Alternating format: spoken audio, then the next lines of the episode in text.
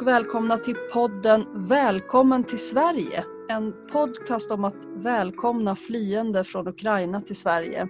Den här podden görs av tankesmedjan Arena Idé i samarbete med forskningsinstitutet Remeso. Och jag som pratar nu heter Lisa Pelling och jag är chef för Arena Idé. Sverige står ju inför ännu ett stort flyktingmottagande. Den här gången från krigets Ukraina. Nu fattas de avgörande besluten om hur de flyende ska välkomnas till Sverige. I en serie samtal så samlar vi erfarenheter och kunskap om flyktingmottagande och om integration från aktörer i alla delar av samhället, från akademin till aktivister. Vi som gör den här podden är alltså Arena Idé. Vi är en fackföreningsnära och partipolitiskt obunden tankesmedja med fokus på arbetsmarknaden, på ekonomisk politik, på välfärd och på demokrati. Och Remeso som är ett institut för forskning, utbildning och kunskapsutbyte om transnationell migration, etnisk mångfald och medborgarskap i ljuset av ekonomisk omvandling och förändrade arbetsvillkor i arbetslivet. Remeso är knutet till Linköpings universitet men rent fysiskt på Campus Norrköping. Välkommen till Sverige kommer att finnas att lyssna på där poddar finns.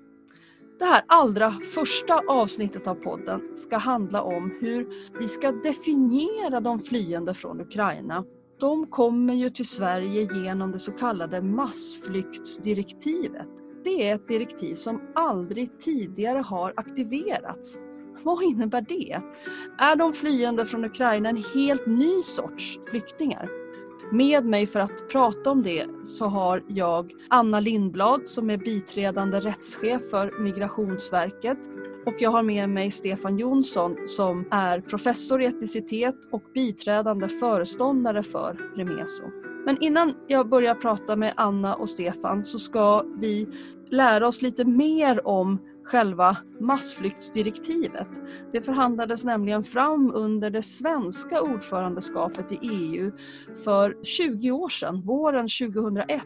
Och tidigare idag så pratade jag med en av dem som var med och förhandlade fram det, Ola Henriksson. Så här sa han om varför direktivet var så viktigt för Sverige. Varmt välkommen hit Ola Henriksson. Tack för att du kunde ta dig tid. Du är ju sedan 2019 regiondirektör för internationella migrationsorganet IOM och dess kontor i Bryssel som är ansvarig för EU, EES, Storbritannien, IOM är ju sedan 2016 en del av FN-systemet men ursprungligen om jag förstått det rätt så var liksom föregångaren till IOM skapades just för att ta hand om flyktingsituationen i Europa efter andra världskriget. Och nu är du återigen så att säga en del av eh, det internationella samfund som har att hantera en väldigt allvarlig flyktingsituation i eh, Europa. Och men du har en eh, lång bakgrund av att ha jobbat med migration och asylfrågor i Sverige, på svenska UD, på justitiedepartementet senast som planeringschef på justitiedepartementet just med ansvar för migrations och asylfrågor. Du var 2001 med och förhandlade fram det massflyktsdirektiv som är det ramverk som de ukrainska flyende tas emot inom i, i Europa. För det här massflyktsdirektivet förhandlades fram under det svenska EU-ordförandeskapet.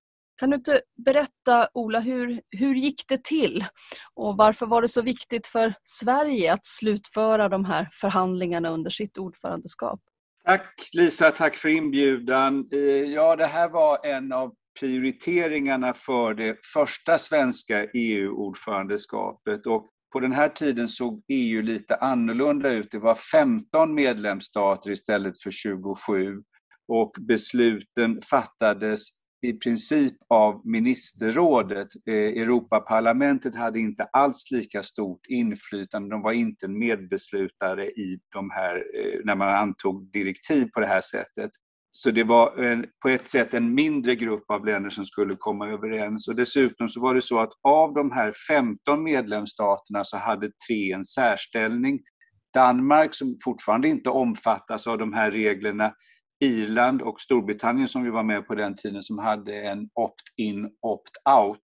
Så i praktiken var det 13 medlemsstater som skulle komma överens eftersom Danmark inte var med, Irland meddelade att de inte var intresserade av att vara med i antagandet av det här och Storbritannien som då var med.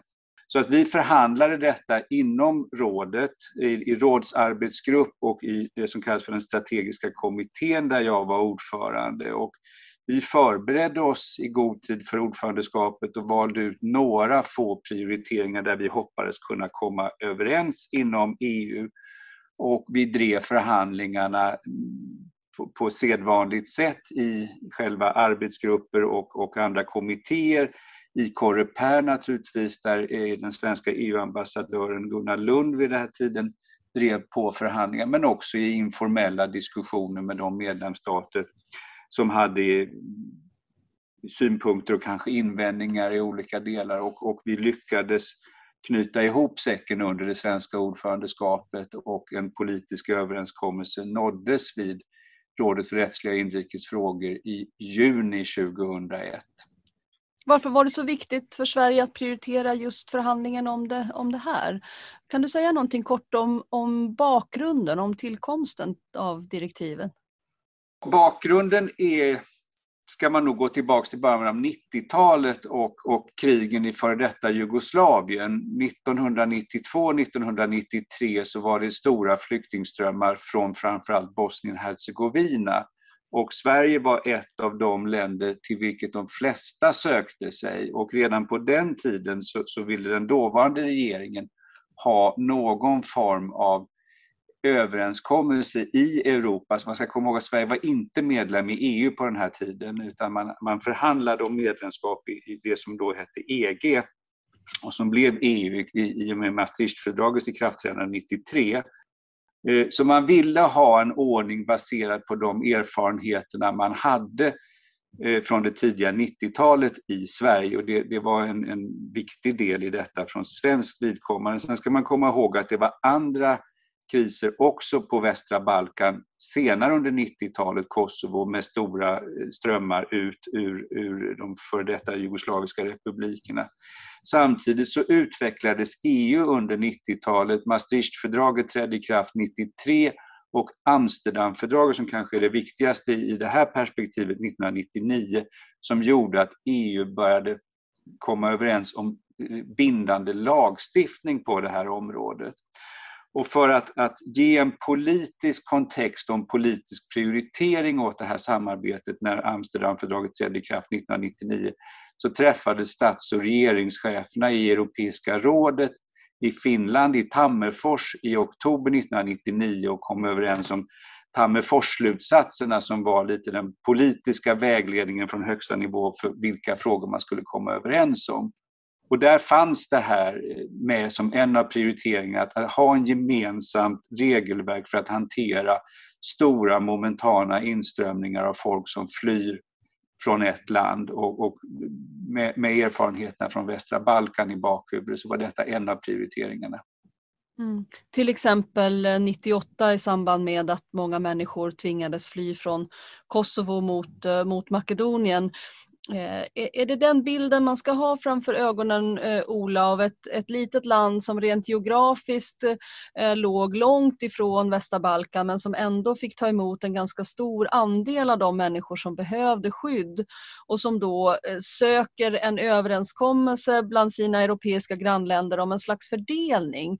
Är, det, är den här principen om fördelning, är den viktig i, om man ser på massflyktsdirektivets tillkomst? Ja, för, för svensk del ska jag säga att den var viktig och det var en diskussion som fördes väldigt mycket i början på 90-talet. Man ska komma ihåg att, jag tror det var 92 eller 93, jag kommer inte ihåg vilket år, så var det största antalet asylsökande som kom till Sverige under ett enskilt år, det var över 80 000. Sen var det först 2014 och sen naturligtvis 2015 med över 160 000 som var topparna när det gäller antalet asylsökande. Så det här var på den tiden det, det, det största antalet som har kommit ett, under ett enskilt år. Så att det var naturligtvis den erfarenheten och, och en önskan om att, att komma överens om någon form av ansvarsfördelningsmekanism. Det var ju relativt fåtal länder i Europa som var de stora destinationsländerna när det gällde flyktingströmmar från västra Balkan i början på 90-talet om du drar dig till minnes Ola, det här eh, har ju eh, skett en massa saker sedan dess. Det är 20 år sedan nu. Det var eh, på den tiden som Anna Lind var högsta chef för UD som det här förhandlades fram.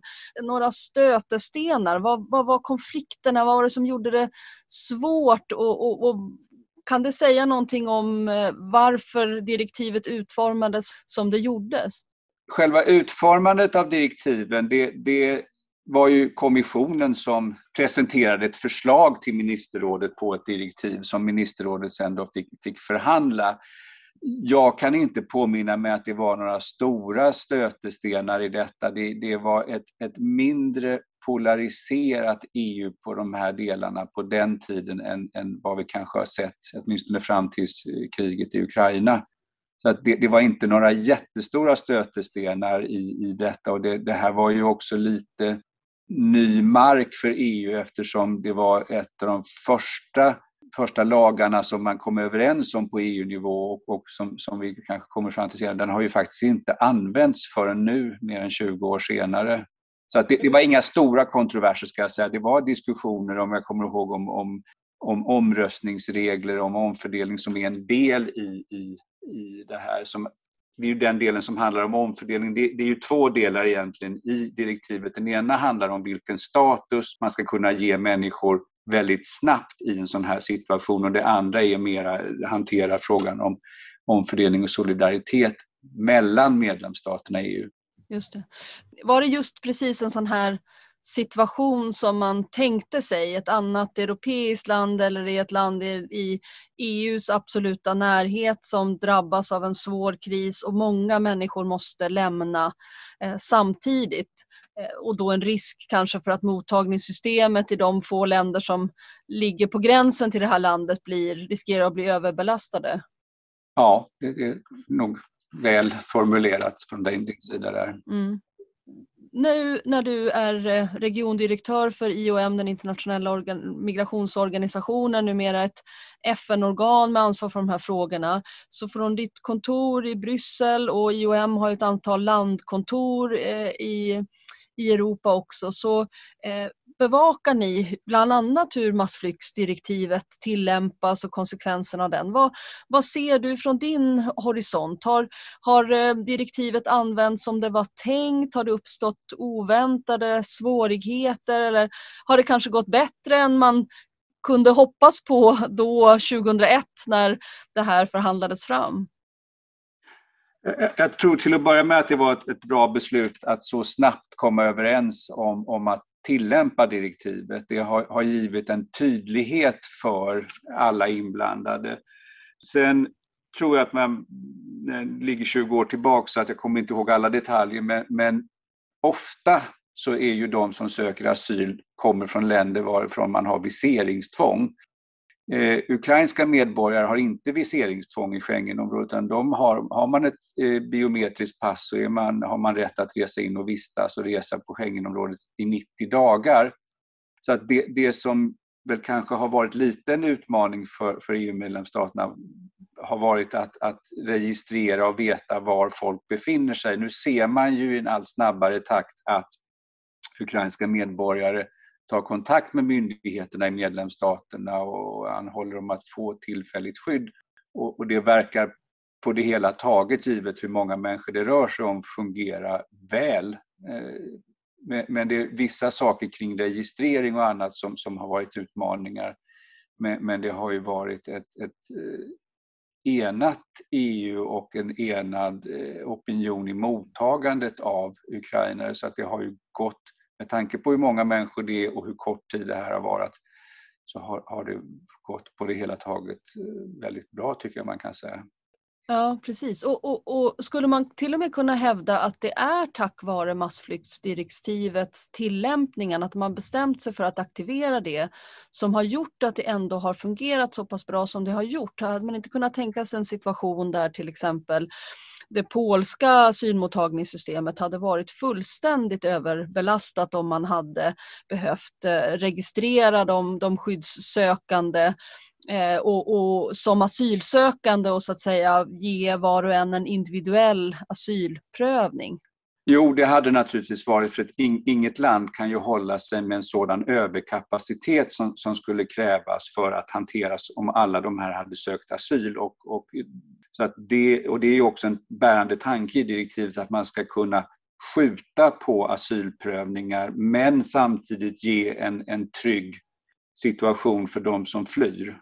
Så att det är de två delarna som, som och, men inte överbelasta staternas asylprövningssystem utan koncentrera sig på de omedelbara behoven, kunna ge en trygghet för de flyende och, och sen avvakta och kunna se när, när man eventuellt behöver börja pröva asylansökningar individuellt i enlighet med, det där finns ju ett helt regelverk numera på, på EU-nivån som inte riktigt fanns 2001. Mm. Om du, om du tittar lite framåt, um, om man liksom skulle kunna säga att massflyktsdirektivet har fyllt sin funktion nu, det har underlättat mottagandet av de flyende från Ukraina, det har underlättat rent administrativt, det har underlättat enormt för, för människorna i sig självt att de har kunnat få ett eh, ett uppehållstillstånd även om det är, är tidsbegränsat. Men om man tittar på lite längre sikt, om, om kriget skulle pågå i, i många år fortfarande, skulle, då behöver det här direktivet då kompletteras med andra åtgärder? Vad, vad ser du? Dels om man tittar på den rättsliga grunden så finns det ju möjlighet att förlänga det tillfälliga skyddet. Det gäller ju nu från den 24 februari i år och ett år. Men sen kan man ju enas om att förlänga det. Så att den statusen, det går ju att, att göra under en viss tid i enlighet med direktivets bestämmelser. Så att den, den möjligheten finns. Sen blir ju frågan också hur många så vitt jag kan förstå av de, de siffror jag har sett så är det relativt få som faktiskt har ansökt om asyl, utan det stora flertalet har ansökt om och kommit i åtnjutande av tillfälligt skydd enligt med direktivet. Jag tror att, att när man ser Dels så beror det naturligtvis på utvecklingen i Ukraina och om, om fler människor kommer att lämna och, och, hur många som kommer att lämna eller om folk kommer att kunna återvända. Och det är där jag tror att många regeringar befinner sig idag för att man avvaktar och ser Kommer det komma stora nya vågor av, av ukrainare som söker skydd i Europa? Eller kommer det på något sätt att, att stabilisera sig och förhoppningsvis då blir det en fred?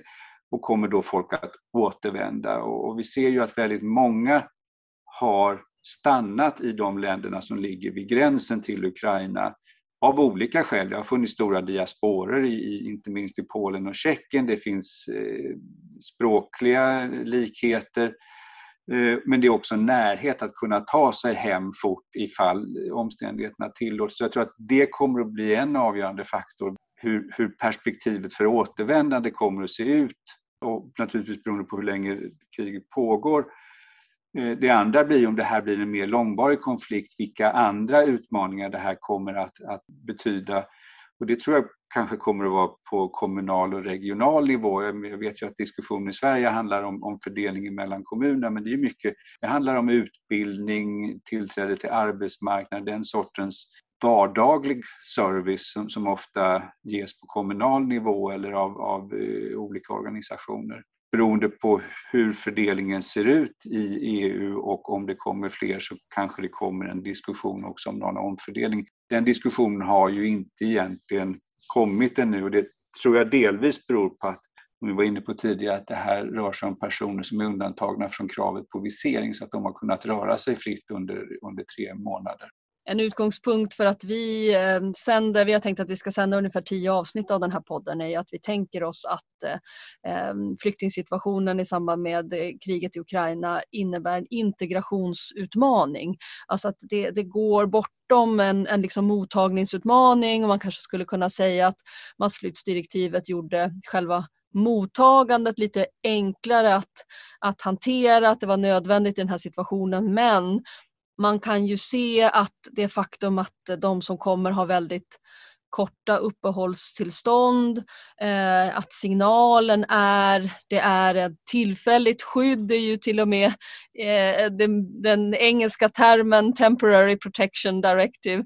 Det kan innebära utmaningar för integrationen sen om man liksom gissar mot bakgrund av det man vet av tidigare flyktingsituationer att även om människor alltid tror att man kommer att återvända hem så är det de facto så att många människor blir kvar. Det är svårt, det är kostsamt att återvända. Även om det blir fred så kan mycket vara förstört.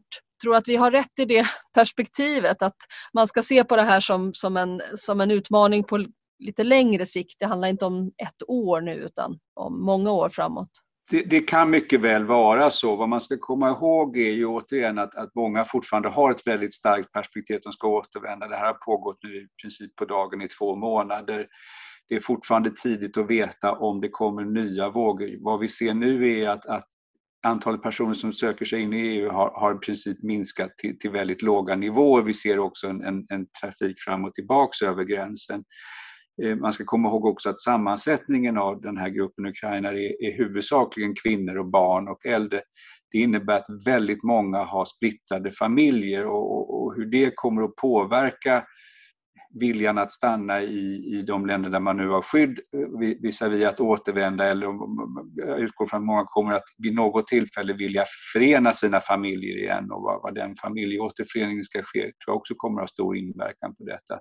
Jag tror att man, man kommer behöva titta på, på integrationsaspekter på detta, tillträde till arbetsmarknaden, utbildning, erkännande av examina, eh, nu får jag använda ett engelskt ord här, recognition of skills överhuvudtaget tror jag kommer vara viktigt därför att det, det är nog många av de här som har kommit som, som har möjligheter att, att, att jobba i Eh, medlemsstaterna i EU. Det har man ju sett redan tidigare att det har funnits en, en betydande ukrainsk diaspora som har kommit för att arbeta i olika medlemsstater.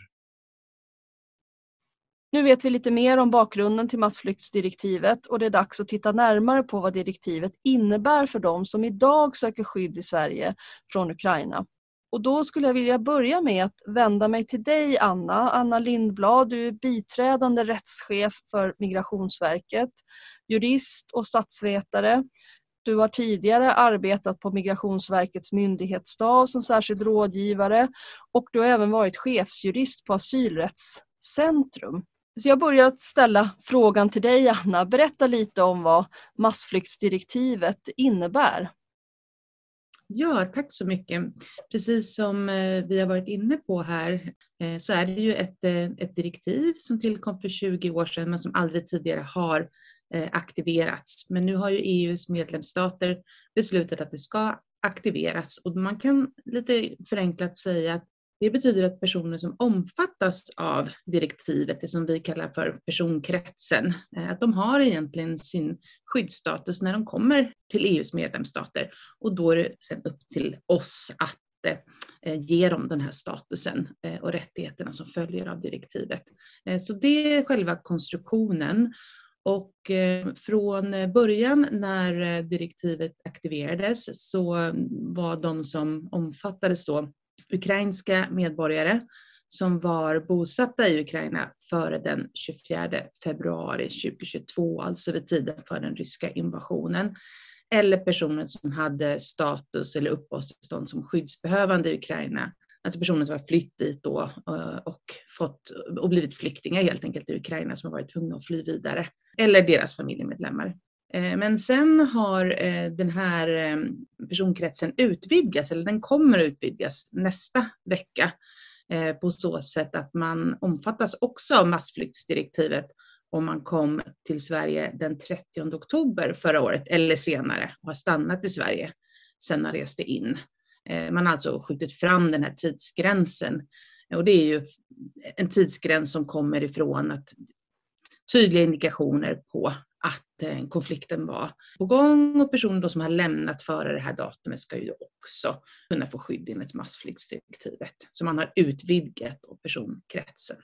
För att vara tydlig, eh, Anna, kan du säga någonting om vilka som flyr från Ukraina som eventuellt inte omfattas av massflyktsdirektivet. Det fanns ju människor som uppehöll sig i Ukraina till exempel som inte var ukrainska medborgare Eh, kanske inte ens hade ett uppehållstillstånd i Ukraina men tvingas eh, fly för att undkomma stridshandlingarna.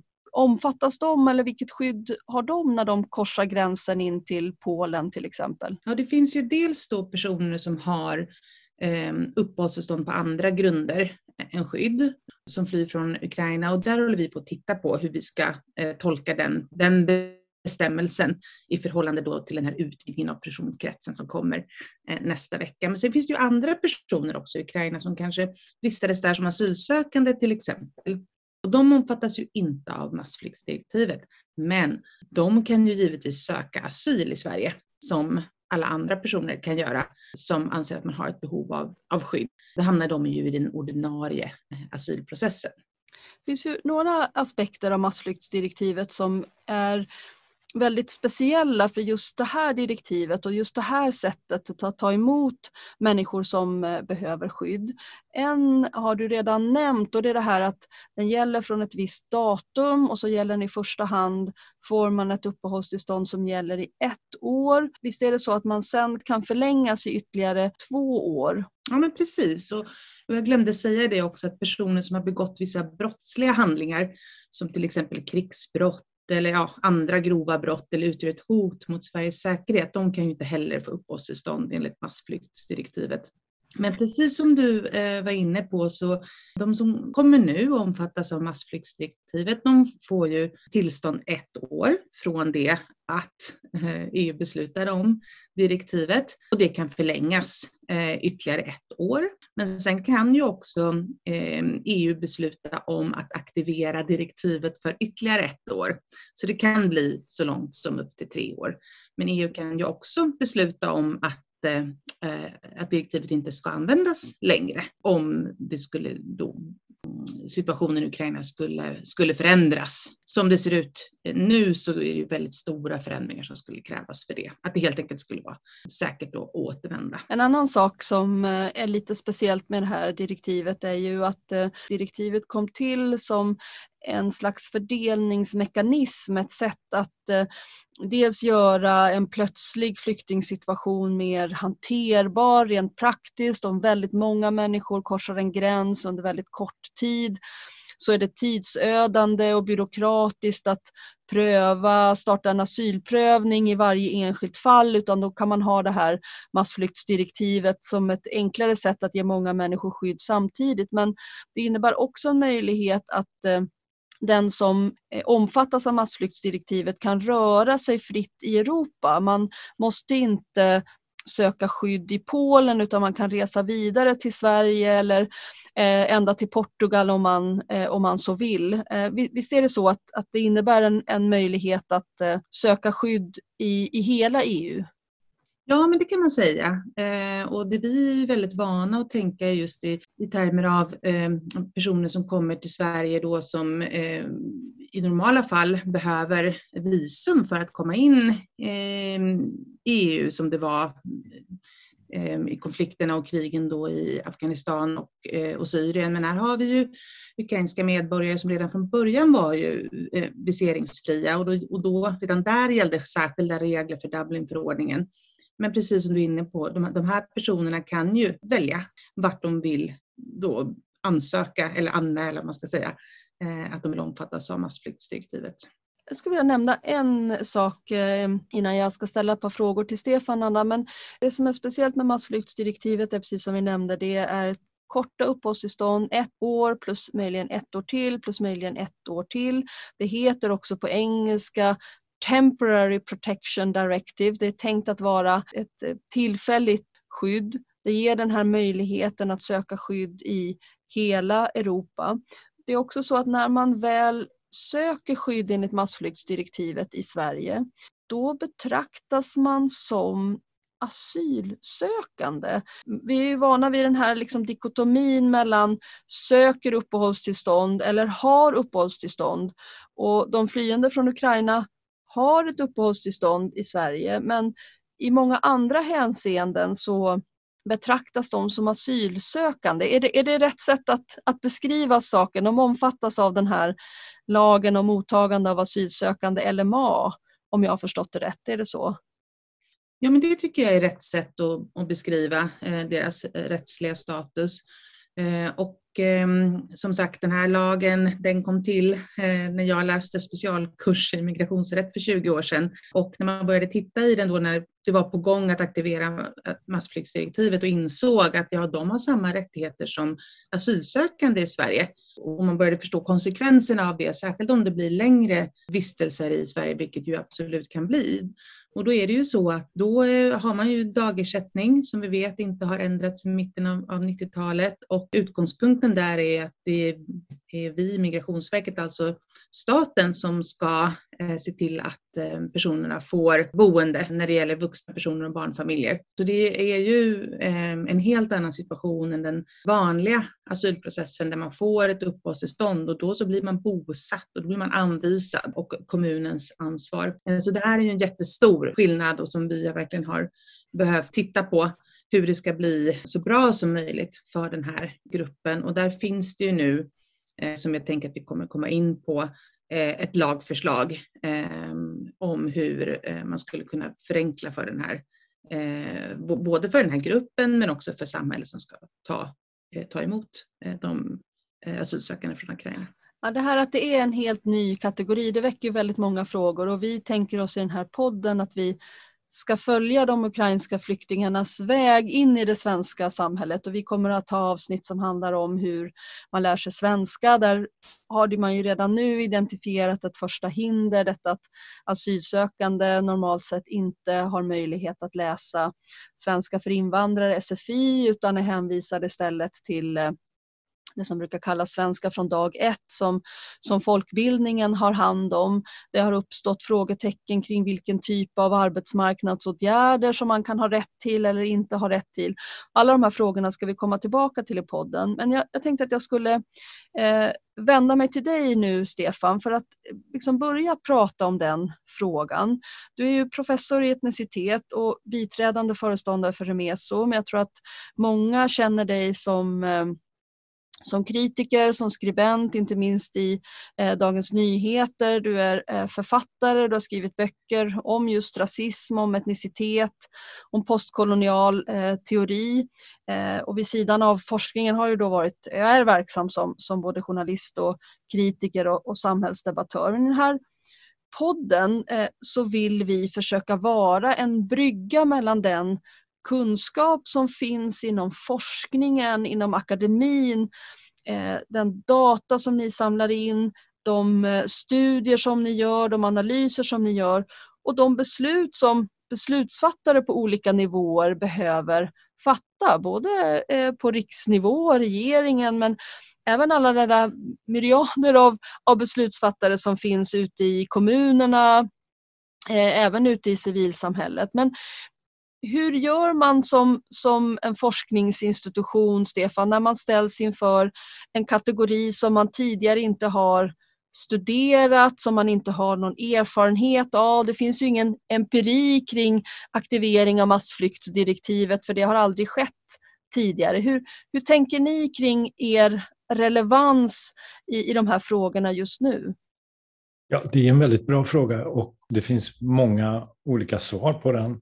Det här är ju då eh, intressant nog 20 år sedan det här eh, direktivet tillkom då i kölvattnet av Jugoslavien, inbörde de olika krigen i Jugoslavien och Kosovo. Och eh, sedan har det inte tillämpats och det tillämpas nu. Så det är ju en första intressant fråga för forskningen. Varför tillämpas det idag? Varför tillämpades det inte till exempel 2015? Där är det ju en fråga om när EU anser att det har skett en massiv tillströmning av fördrivna personer, då, som det heter i direktivet. Att nu är det en massiv tillströmning av fördrivna personer, men det var inte det förut. Vad ligger till grund för den bedömningen är ju en intressant eh, normativ fråga för EU-forskare och eh, politisk eh, statsvetare att ta reda på. Alltså hur, hur definierar man så att säga själva grundaktivismen här, när politikerna bestämmer sig för att det finns en massiv tillströmning. Sedan så är det ju, och där kan man ju ha en massa olika spekulationer kring etnicitet och kring härkomst och kring att detta är ett, någonting som utspelar sig i Europa och så vidare. Så det finns ju en mängd intressanta uppslag där, eller hypoteser som man kan avpröva kring detta. Och sedan om man lämnar den vad ska säga, större politisk, statsvetenskapliga, EU-inriktade forskningen så är ju då det självklara angreppssättet här nu, det blir ju komparativt. Hur, dels hur, hur agerar de olika EU-länderna?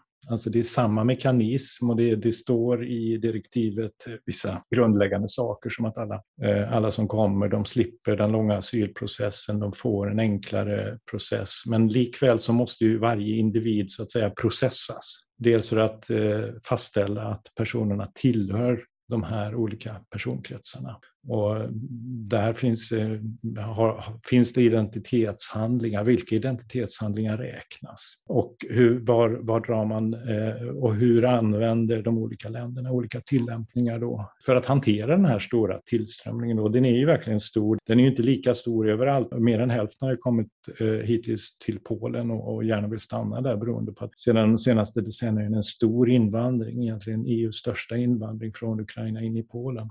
Men den komparativa forskningen är ju betydelsefull och viktig att göra. Så att säga, där handlar det också om att försöka ta reda på för forskarna vilket EU-land kanske sköter det här bäst och mest effektivt.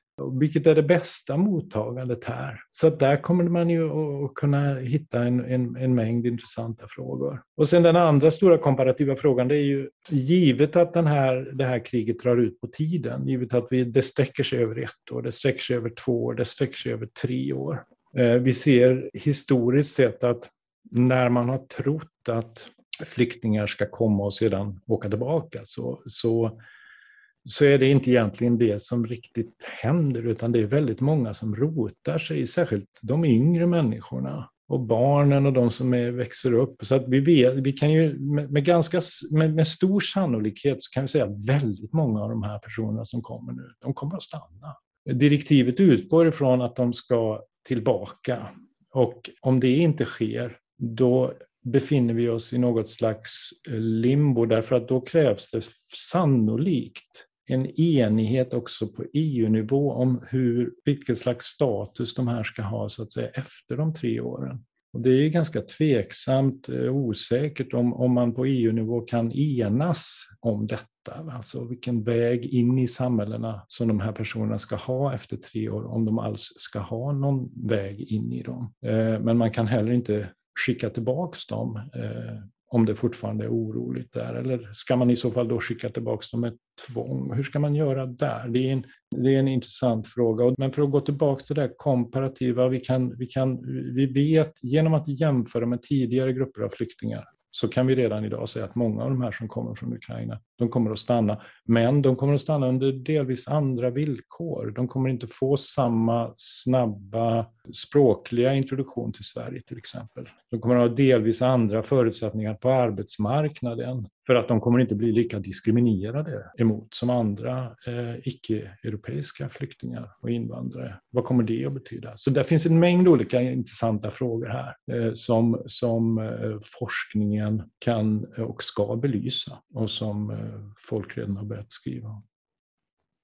Tack så hemskt mycket Stefan. Det ska bli otroligt spännande att, att eh, följa vad, vad forskarna som finns hos dig på Remes och eh, skriver och, och, kan, kan forska om när det gäller det här. Eh, Anna, om jag återvänder till dig som, som biträdande rättschef på, på Migrationsverket och som du nämnde såklart så känner man eh, till massflyktsdirektivet. Du sa att eh, det var en del av en specialkurs i juridik då för 20 år sedan och så plötsligt så aktiveras det och det ska användas. Vilka svårigheter har Migrationsverket stött på? Vad har varit de största utmaningarna med att eh, handskas med den här nya situationen?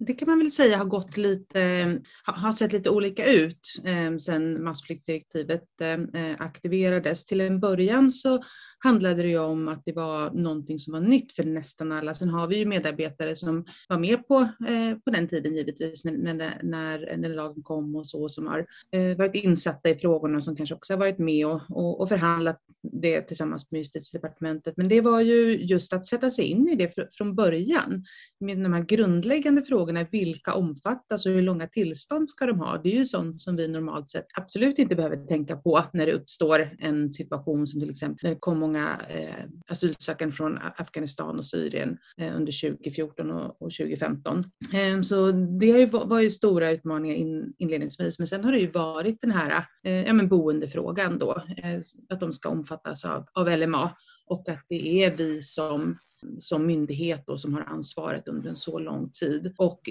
varför inte det bra? Det är väl lika svårt för kommunen att hitta platser, kan ju vara ett motargument. Och där är ju svaret att ja, men det finns ju också olika lagar som man ska förhålla sig till och när en kommun har hand om mottagande så känner de ju sin egen eh, marknad, sin egen kommun bättre. Man kan hitta bättre lösningar helt enkelt än om vi upphandlar eh, boenden. Och det här var jag inne på tidigare att nu finns det ju en eh, lagrådsremiss, alltså ett lagförslag som eh, föreslår att eh, även om vi som myndighet har huvudansvaret för mottagandet så får vi anvisa en kommun att ordna boendet för personer med uppehållstillstånd eh, med tillfälligt skydd. Alltså samma som, som gäller för personer som får uppehållstillstånd på andra grunder och kommunen har då behörighet att ordna boende och så ska de få ersättning för det. Och det här föreslås börja gälla 1 juli i år. Eh, så, så det, det skulle jag nog säga har varit den, den största utmaningen. Sen har det såklart varit en utmaning att ta fram själva processen, för det här är ju ett tillstånd som man ska få snabbt. Tanken är ju det. Och det kanske var så för 20 år sedan att man tänkte sig någon slags stämpel i ett pass vid gränsen. Men så har det ju hänt väldigt mycket på, på 20 år och vi har massa ny lagstiftning att förhålla oss till. Eh, och ta fram den processen som idag är ju, väldigt snabbt och är, är digital för de som kan ansöka digitalt. Det har ju såklart också varit en utmaning. Och jag tänkte passa på att säga det just för vi får ju, det har ju varit mycket missförstånd eh, kring eh, eh att ha ett hemlandspass för att eh, kunna omfattas av massflyktsdirektivet. Eh, men så är det ju inte. Men precis som vi var inne på tidigare, så man behöver ju bevisa eller göra sannolikt att man omfattas eh, av direktivet, att man tillhör personkretsen. Men det kan man ju göra på olika sätt.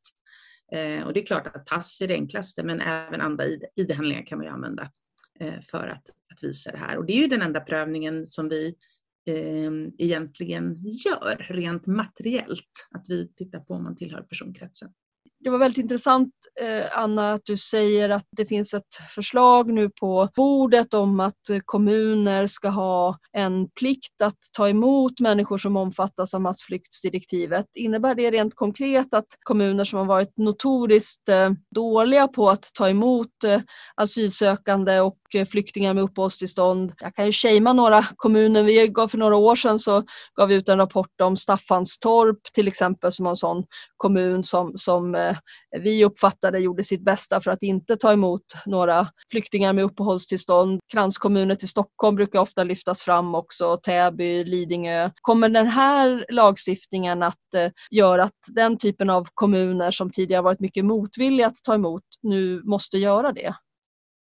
Ja, precis. Det här är ingenting som kommunerna kan välja, utan det innebär ju att samma fördelnings, eller inte samma fördelningsnyckel, men en fördelningsnyckel på samma sätt som man använder för personer som beviljas eh, permanent uppehållstillstånd eh, eller liksom uppehållstillstånd som skyddsbehövande och då ska anvisas en kommun för att bosättas, integreras.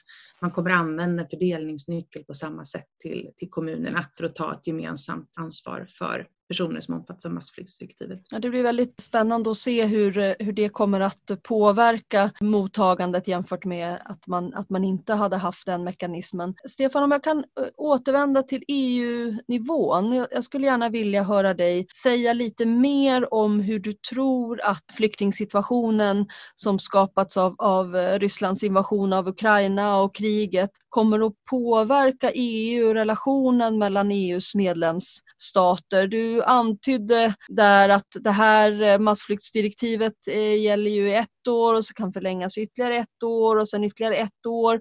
Men sen eh, så måste det ju till en annan lösning och det har hittills visat sig vara väldigt svårt för EUs medlemsländer att enas om en gemensam fördelning, ett gemensamt ansvarstagande för människor som behöver skydd i Europa. Vad, vad, vad är ditt perspektiv? Vad tror du kommer att hända? Det har ju inte bara varit svårt för dem att enas, det har varit omöjligt för dem att enas. Men, men det är intressant nu för att i och med den situation som har uppstått så påminns vi i alla fall om att eh, år 2001 under Sveriges ledning, ordförandeskap eh, i EU, så, så kunde man enas om att instifta detta direktiv. Men, men då, då är det precis som du säger, alltså vad händer i de olika europeiska länderna när tre år har gått och vilka vägar in mot ett eventuellt permanent medborgarskap kommer att erbjudas i olika länder. Vissa länder kommer att vara fullkomligt emot detta. Andra länder kommer kanske att ändra sina lagar. Kommer Sverige att ändra sina lagar och instifta en ny lag som säger att jag personer med just det här tillfälliga skyddet, eh, för de gäller inte riktigt samma väg in i, mot ett medborgarskap som för, som för andra som har kan få det här då enligt utlänningslagen. Så att man kan se framför sig många, väldigt många olika scenarier här och jag tror att vi kommer att få se en, en, alltså en stor variation kring detta. Men, och inte bara när det gäller de här som, som har tillfälligt skydd, utan, utan det kommer också att förändra hur länder på andra håll uppfyller sina åtaganden mot asylrätten och Genèvekonventionen och så vidare. Så att det finns ju redan nu, alltså vi har redan sett i, i behandlingen vid, vid gränserna mellan Ukraina och Polen till exempel hur personer, olika kategorier av flyktingar och migranter ställs emot varandra och de rättsliga liksom, principerna för hur man ska släppa in eller släppa ut är ofta väldigt oklara. Så det, det, finns en, en stor sannolikhet att vi får se många, från, från en, en, en fortsatt mycket solidarisk integration av ukrainska medborgare som kommer hit och rotar sig precis som bosnierna och kroatierna och personer från det forna Jugoslavien som idag är en fullkomligt naturlig del av det svenska samhället och väl integrerade till andra platser och, och kanske till och med i Sverige där vi får se eh, grupper som lever i ett Eh, i en så att säga permanentad osäkerhet och en permanentad eh, att, att, man, att man blir hängande på gränsen och, och att man, ens tillvaro är villkorad på olika sätt. Och vi kommer sannolikt i vissa länder att få se också hur man slutar kanske att uppfylla sin Genèvekonvention därför att man har tagit emot så många från Ukraina. Det är ju inte något gynnsamt läge i Europa att ta emot väldigt, väldigt många flyktingar. Och skälet till att solidariteten eh, blomstrar och välkomnandets kultur nu eh, står på sin höjdpunkt, det är ju, eh, och det är många som har påpekat det, är ju att det här ligger väldigt nära geografiskt. Och att det är, ja, för att uttrycka det brutalt, och det är ju det är också många som har sagt det, till och med inom EU självt, att det är skälet till att EU kan aktivera det här och att alla är med på att aktivera det det är att eh, de här personerna är vita och kristna och betraktas som en del av Europa. Så krass är, vår världsordning. Och den sortens gränsdragningar kommer sannolikt att fortsätta och bli allt knepigare och mer invecklade och på många håll mer grymma eh, i förlängningen av detta. Det beror naturligtvis på, man får hoppas att det här blir en kort konflikt därför att då uppstår inte de här problemen. Men men, eh, men, men allt tyder ju eh, på att den, den, kommer att dra ut på tiden. Och hur som helst vet vi att många av de som har kommit in i europeiska EU-länder nu, de, eh, de kommer att vara kvar och de kommer sannolikt att få ganska olika villkor beroende på vilket land de hamnar i. Ja, det är väldigt intressant tycker jag själv om man, hade, man gör en ytlig analys av hur flyktingmottagandet såg ut kring 2014-2015 så kan man väl säga att Sverige åtminstone initialt utmärkte sig som ett land som var relativt sett välkomnande mot de människor som flydde framförallt från Syrien. Utifrån den erfarenheten hade man kanske inte kunnat förutsäga att det skulle vara ett land som Danmark som låter ukrainare resa eh, avgiftsfritt från färgerna mellan Tyskland och Danmark, att det skulle ha varit ett land som Polen som, som till synes så generöst att säga, öppnar sina hem och sina hjärtan för eh, de flyende från Ukraina medan Sverige den här gången, åtminstone är det, är det mitt eh, intryck har varit eh, den som kanske av alla EU-länder mest har eh, varit reserverad gentemot de ukrainska flyktingarna. Man vill inte höja dagsersättningen trots att den inte har höjts sedan 1994. Man inför transportörs Eh, ansvar. Eh, istället för eh, gratis färja så ser man på när ukrainska flyktingar kanske inte ens kan ta båten eller tåget eller bussen till Sverige. Man verkar vara upptagen mer av att förmå ukrainare att inte komma till Sverige snarare än att, att understödja sådana initiativ som, som verkar välkomnande. Vad beror det på att Sverige verkar vara i den här positionen nu?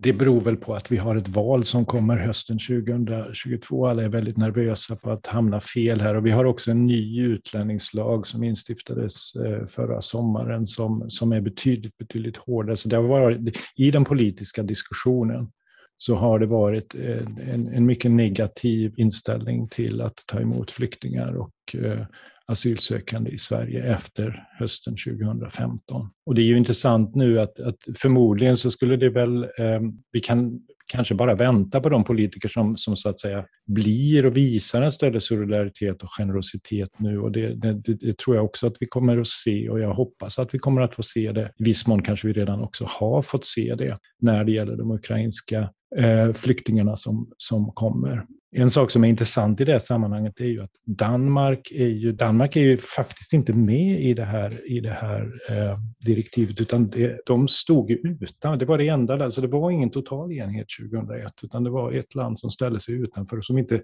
som inte är en del av det här massflyktsdirektivet, och det är Danmark. Och de har ju så att säga snickrat ihop sin egen lösning på det här, så att de följer det i sin, i sin praxis nu. Men de är så att säga inte förpliktigade av EU att ta emot en enda ukrainare enligt det här direktivet. Men naturligtvis så är så att, så att säga, so trycket att vara solidarisk, och det är ju det är någonting som vi ska uppskatta väldigt, väldigt mycket. Det, det, det är så, så, så bra nu eh, så att till och med Danmark eh, tar emot flyktingar med eh, god vilja. Ja, det är väldigt intressant att fortsätta följa den eh, utvecklingen. Innan vi avslutar, Anna, när vi började förbereda den här podden då hade Migrationsverket ett antal scenarier för hur många människor som skulle söka skydd i Sverige, det högsta eh, scenariot och där vet jag att dina kollegor bland prognosmakarna så att säga, på Migrationsverket var väldigt noggranna med att understryka att det var just ett scenario, inte en prognos, men man beräknade att ungefär 200 000 000 personer skulle kunna söka skydd i Sverige till och med juni i år. Men man skissade på ett huvudscenario på ungefär 76 000 personer och så fanns det ett lägsta scenario på lite drygt 20 000 personer. Nu får vi en del rapporteringar om att eh, människor, särskilt efter att en del områden har befriats från ryska ockupanter i norra Ukraina, att det till och med finns en liten ström tillbaka där människor som flydde över gränsen till Tjeckien, till Polen nu återvänd till Ukraina. Jag vet att du inte jobbar specifikt med de frågorna själv Anna, men vill du säga någonting om vad man kan tänka här? Är det så att vi behöver tänka om, att mycket färre människor kommer att komma till, till Sverige än vad vi kanske antog i början av den här krisen?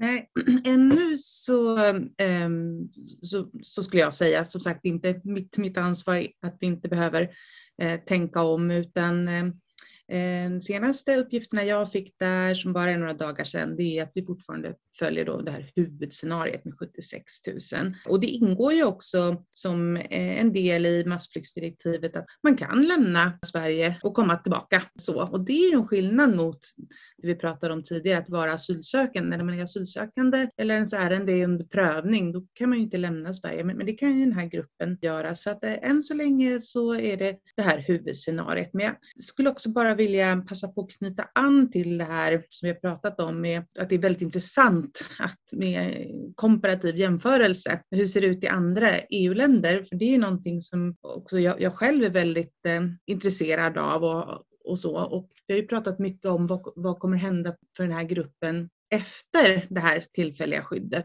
Och då finns det ju en bestämmelse i utlänningslagen i 21 kapitlet som just reglerar massflyktingarna Eh, att, eh, att man får ett uppehållstillstånd enligt massflyktsdirektivet, det hindrar ju inte att man söker, en, alltså söker asyl, alltså söker en statusförklaring som flykting eller alternativt skyddsbehövande. Så beviljar man ett tillstånd kan man gå, komma in i vår vanliga skyddsstatsprövningsprocess.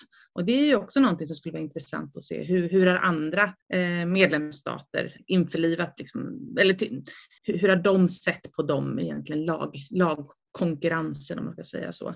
Och, eh, och det blir också en fråga att se på hur det kommer bli i ett svenskt perspektiv. Kommer det vara många som också söker den här statusen?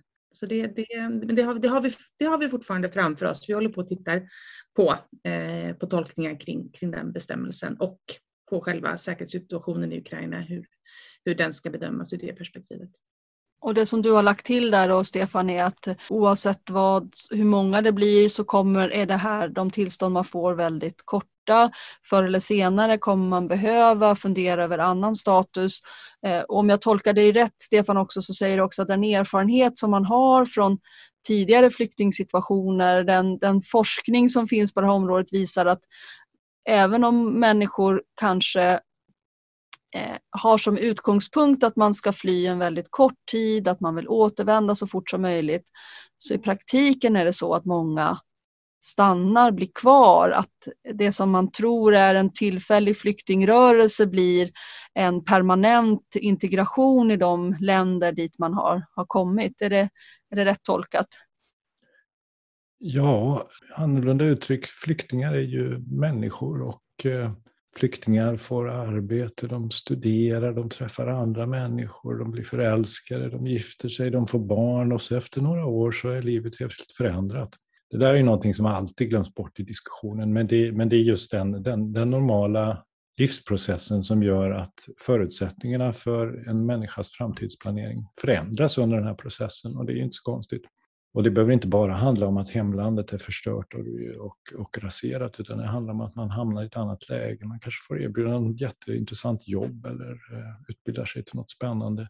Om man nu får utbilda sig enligt detta och enligt vilka lagar eh, som det ska kunna ske. Så att det kommer att hända, det vet vi. Eh, så att eh, hur den politiska lösningen och hur den legala lösningen ska se ut här, det blir ju ytterst intressant, precis som vi har sagt redan, att, att se. Där, är, där kan man väl liksom redan tycka att det är olyckligt att, att det inte åtminstone finns en frivillig tillgång till SFI-systemet för de här ukrainarna. För att det, det vet vi också att det, det ger en, en mycket snabbare väg in i, i samhället och eh, också en mycket mer meningsfull tillvaro medan man, man är här, även om det är så att man en dag skulle återvända. Tack så hemskt mycket för de här perspektiven Stefan. Vi ska ju under de här eh, poddavsnitten återvända till dina forskarkollegor på Remes och den kunskap som finns samlad där kring hur integrationsprocesser går till. Eh, vi ska prata om detta att lära sig ett nytt språk. Vad är det för krav som ställs? Hur gör man egentligen? Hur går det till? Vilka aktörer är bäst på, på detta? Vad kan man lära sig från andra länder? Vi ska definitivt prata väldigt mycket om arbetsmarknaden. Vi är ju en, en tankesmedja som försöker ha ett fackligt perspektiv på de frågor vi ger oss i kast med. Så den frågan ska vi återvända till och fråga oss vilken arbetsmarknad finns för ukrainare idag? Vilken arbetsmarknad kommer finnas för de ukrainare som kommer just nu? Som vi vet så består de ju eh, på grund av att eh, män mellan 18 och 60 inte får lämna Ukraina, framför allt av, av kvinnor och barn. Vad innebär det för arbetsmarknadsintegrationen? Och nästa avsnitt så ska vi ta tag i den här boendefrågan. Vi eh, kommer att prata med Marie Linder som är ordförande för Hyresgästföreningen och vi har också säkrat eh, medverkan från Martin Grander som är eh, biträdande lektor på institutionen för urbana studier vid Malmö Malmö universitet och som eh, har tittat mycket på boendesegregation och frågor kopplade till, eh, till det. Så vi har många avsnitt framför oss. Jag hoppas att ni vill fortsätta lyssna. Tack så hemskt mycket Anna för att du hade möjlighet att vara med. Tack så hemskt mycket eh, eh Stefan Jonsson för att du var med från Remeso på återhörande.